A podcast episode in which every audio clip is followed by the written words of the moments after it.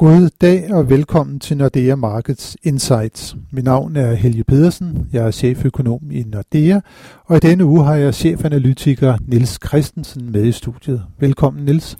Tak for det Helge. Det er Black Friday og dermed årets største shoppedag på global plan. Det store spørgsmål er så, om der også bliver købt aktier, for det er en kendskærning, at der er opstået fornyet usikkerhed om der faktisk bliver indgået en handelsaftale mellem USA og Kina i kølvandet på vedtagelsen af en ny amerikansk lov, der støtter demonstranterne i Hongkong. Det har ramt aktiemarkederne her sidst på ugen og også ført til nye rentefald. Men lad os i dag vende blikket mod valutamarkedet, hvor to af de valutaer, der ellers har fået store tæsk over de senere år, nemlig britiske pund og svenske kroner, har fået ny medvind. Og Niels, hvad er det egentlig, som har drevet den udvikling? Ja, det er rigtigt. Her i de senere uger har vi set både den svenske krone og også det britiske pund egentlig have, have ganske god medvind øh, og er steget pænt begge to. Og hvis vi begynder med det britiske pund, ja, så er det jo en begivenhed, som optager valutamarkedet og de finansielle markeder bredt, og det er det forestående valg i Storbritannien her den 12. december. Og vi følger jo spændt de meningsmålinger, der kommer løbende næsten på daglig basis. Øh, og det er netop dem, som har været med til at give en positiv pundstemning. Det allerseneste, vi har fået i den i den forgangne uge, jamen det er en meningsmåling, der peger på, at Boris Johnsons konservative parti faktisk kan opnå en absolut, et absolut flertal i det britiske parlament. Øh, og så stiller sagen sig jo helt anderledes også med, med udsigt til at få vedtaget Brexit, hans Brexit-aftale inden deadline den 31. januar. Ja, så meget tyder jo lige nu, i hvert fald ud fra meningsmålingerne på, at Storbritannien rent faktisk kommer til at forlade EU. Og det har så været med til at løfte det britiske pund. Og det er simpelthen bare fordi, at der måske er noget usikkerhed, der bliver taget ud af markedet. Netop, man kan sige, den, den værste fjende for en valuta er sådan set usikkerhed. Om det er økonomisk usikkerhed eller det er politisk usikkerhed, det er sådan set underordnet, og det har jo været politisk usikkerhed, som har præget pundet øh, de senere år, og også givet nogle gevaldige skulp i pundkursen, øh, og også over for den danske krone. Vi har været nede og handle det engelske pund omkring 8 kroner tidligere på året. Faktisk så sent som efter sommerferien i begyndelsen af august måned var vi som sagt omkring de 8 kroner, og nu ligger vi i underkanten af 8 kroner og 80. Det er en stigning på ja, 10 procent, og også det højeste niveau, vi har set punden på øh, i 2019. Så betydelig stigning i pundet, øh, men så skal vi jo så også have det helst have det opfyldt her, øh, når vi nu får for, for, i første omgang valgresultatet øh, den 12. 12. december. Ja, for vi må jo også sige, at nøgletallene for britisk økonomi, de er jo ringe for tiden. Det er vel sådan, nu så vi her, at de PMI'erne kom ud, og de, de tyder jo på, både fremstillingssektoren, men også nu servicesektoren faktisk befinder sig under den her magiske grænse på 50, der vil indikere, at britisk økonomi er i en form for recession nu. Ja, det er helt rigtigt. Og havde vi ikke det forestående valg, og havde vi ikke Brexit-usikkerheden, så er der nok heller ikke øh, nogen tvivl om, at Bank of England ville have nedsat renten ja, på et langt tidligere tidspunkt, øh, og de har sådan set også været rimelig klar i deres udmeldinger, at de ser risiko på nedsiden for den engelske økonomi, øh, og derfor er de også klar til at, at støtte, støtte hvad hedder det, økonomien med en rentenedsættelse, når den politiske usikkerhed er forhåbentlig øh, fjernet fra, fra, hvad skal man sige, øh, bordet. Det bliver jo super spændende at se, øh, hvordan det rent faktisk kommer til at gå her den, den 12. december, men, øh, men i hvert fald lige nu, så tyder alt på, at det er, at Storbritannien altså er sådan for alvor på vej ud af EU, og men der jo vil være en lang overgangsperiode, hvor man skal have handlet de egentlige øh, aftaler på plads. Så det kan jo godt være i virkeligheden, at Storbritannien i løbet af, af flere år endnu vil være sådan en del af, af EU, uden at være det formelt. Sagtens, sagtens.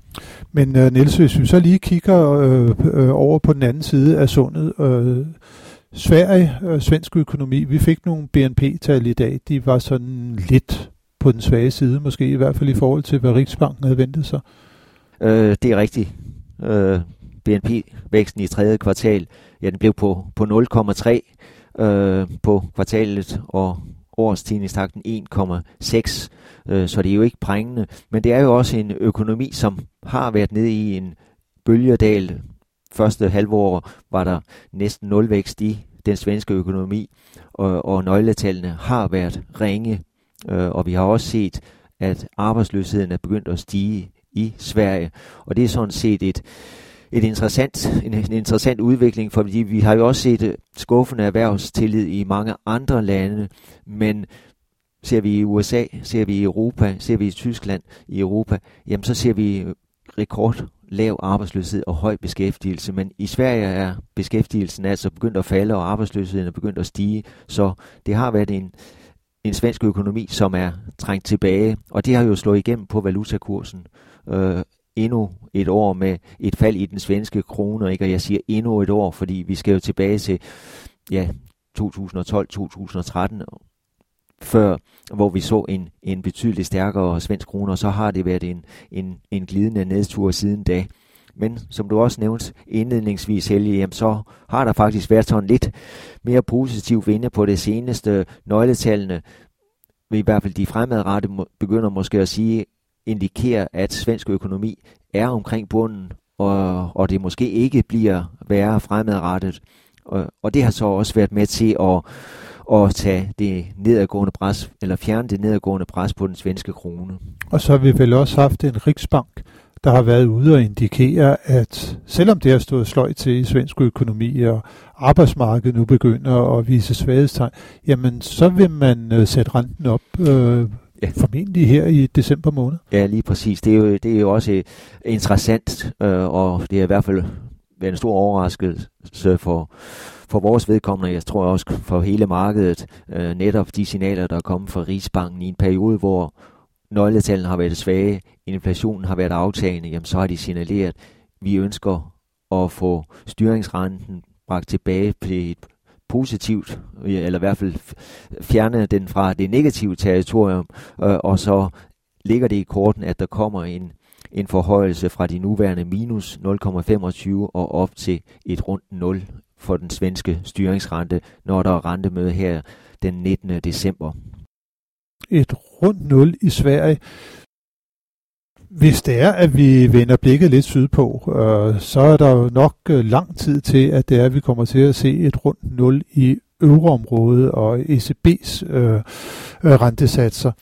Og det på trods af, at nu begynder nøgletallene måske også at vende lidt. Altså, der er ingen tvivl om, at der har været en kraftig afmatning i euroområdet stående på gennem det meste af 2019.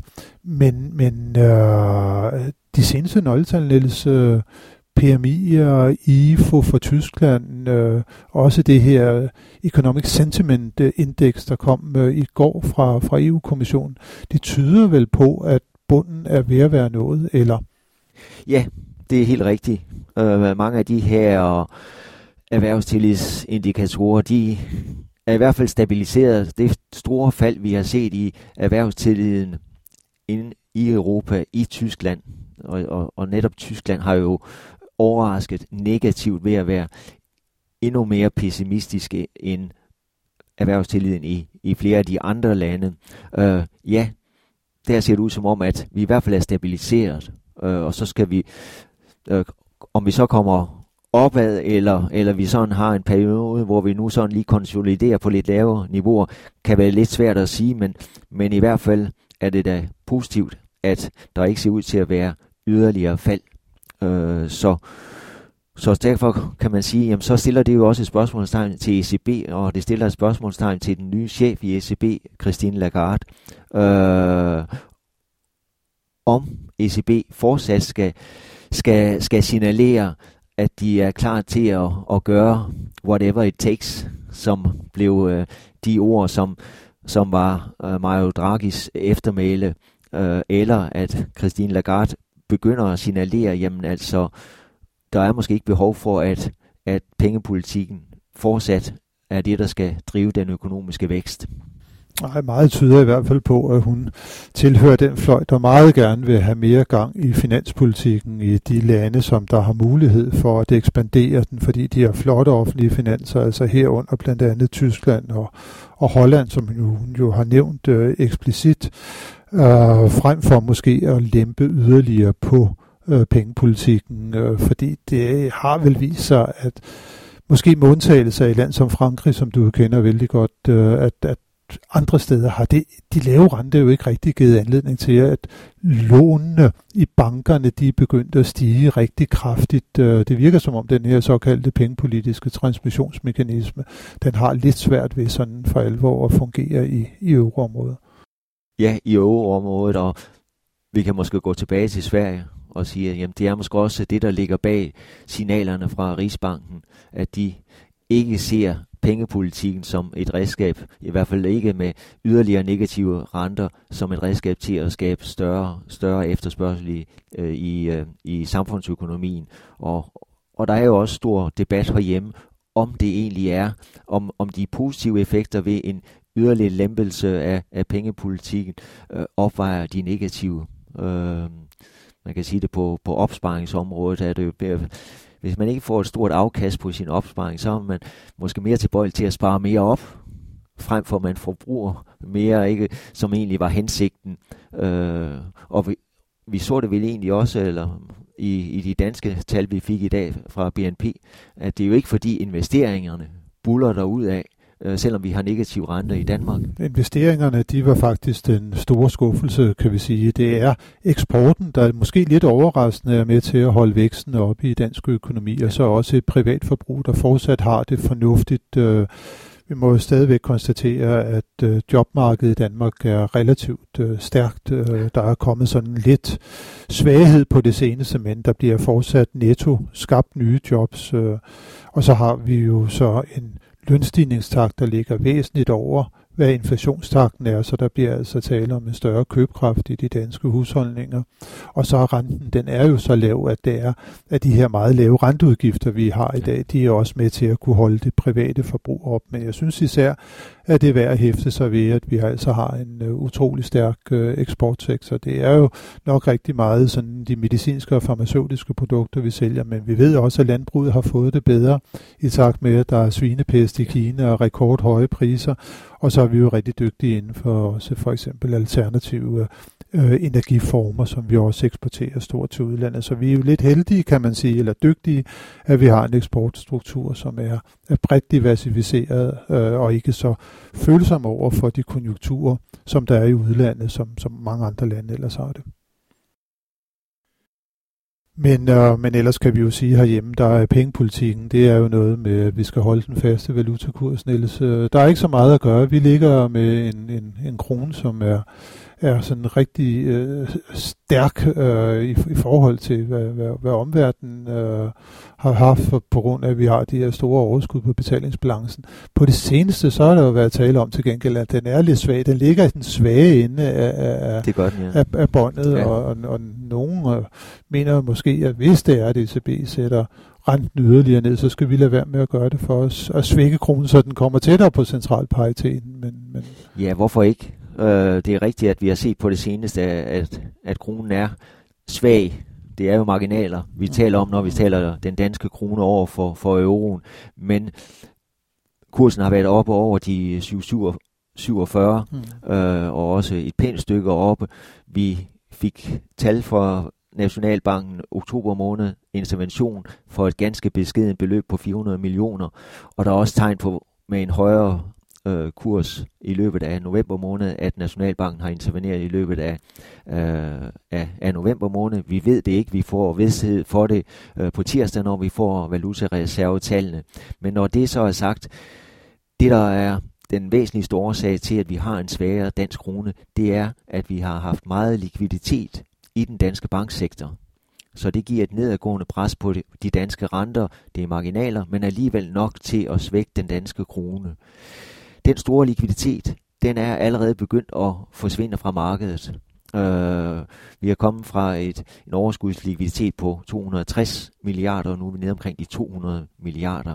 Øh, og vi forventer, at den overskudslikviditet vil aftage yderligere, og det, skal, det vil så også medføre, at det nedadgående pres på den danske krone vil aftage, øh, og derfor forventer jeg ikke, at der kommer forventninger om, at, at Nationalbanken skulle begynde at overveje øh, og at hæve den danske rente, og dermed indsnævre rentespændet til ECB. Øh, men det kan komme på tale på sigt. Øh, så vi skal altså vente, at det her spænd, der lige nu er på minus 25 øh, basispunkter, det, det var ved. Ja, det, det, er, det er det mest sandsynlige. Det er det mest sandsynlige. Det er i hvert fald også de signaler, som Nationalbanken har sendt, har, har sendt øh, efter øh, de, de renteændringer, der var tidligere på efteråret.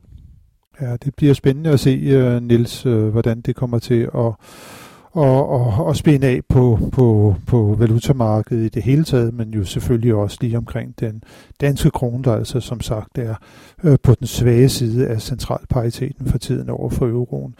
Næste uge kommer også til at byde på en øh, række øh, spændende nøgletal. Øh, vi får øh, PMI-tal fra Kina øh, på, på mandag og på, på onsdag for den sags skyld også. Øh, det er henholdsvis øh, for fremstillingssektoren og for servicesektoren. Vi får nyt at vide omkring den tyske industriproduktion på fredag, og øh, der er det jo også fredagen der, der kommer til at blive rigtig, rigtig spændende. Der får vi jobrapporten fra, fra USA, og inden vi får jobrapporten, har vi fået det måske lige så vigtige ISM-tal øh, for både fremstillingssektoren og for, for servicesektoren. Hvad skal vi egentlig vente os, at der kan ske øh, på de finansielle markeder, når alle de her tal de bliver offentliggjort til næste år? Ja, hvis vi taler om de amerikanske nøgletal, altså ISM og, og jobrapporten, så regner vi faktisk med nogle gode nøgletal. Øh, altså nogle, nogle øh, nøgletal, som peger på aktivitet i USA og ikke skulle skabe frygt for en snarlig opbremsning i den amerikanske økonomi.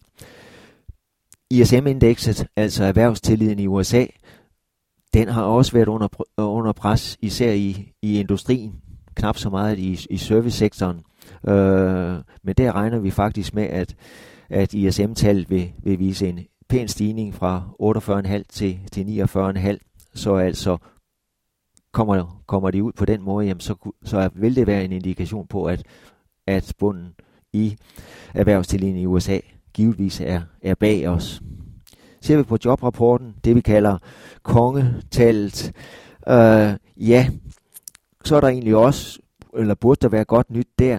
Der er det med, med jobtallet her hen over efteråret, at det har været påvirket af den store strække, der var hos øh, General Motors. Øh, omkring 45.000 øh, ansatte var, var ramt af den strække, som, som påvirkede nøg, øh, øh, jobtallet i, i september måned, øh, hvor vi fik, eller hvor USA fik skabt øh, øh, 128.000 nye job, noget lavere end forventet, og det regner vi med en korrektion højere, så vi kommer op i underkanten af 200.000 nyskabte job i oktober måned. Trækker vi de 45.000 væk fra General Motors, jamen så lander vi omkring 1.500.000 nyskabte job i november måned. Og det er ligesom tæt på gennemsnittet, vi, vi har set i de første 10 måneder, der har det ligget omkring 170.000. Øh, og det er, holder vi det op mod sidste år, en nedgang, hvor vi lå op omkring de 220 i snit per måned i USA. Så jo, amerikansk økonomi er, om jeg så må sige, gået et lille gear ned, øh, men så, så bestemt ikke nogen tegn på, at vi er på vej ud over en afgrund eller ind i en recession i USA. Det bliver de sidste ord øh, for nu, øh, Niels, omkring øh, hvad der kommer til at ske i næste uge. Vi glæder os til at se, hvad tallene rent faktisk kommer ud på. Men tak, øh, Niels, for at have været med i dag, og tak til alle jer, som har lyttet med til denne uges podcast. Det håber vi også, at I vil gøre, når vi er tilbage i næste uge med friske analyser og vurderinger af de finansielle markeder. thank you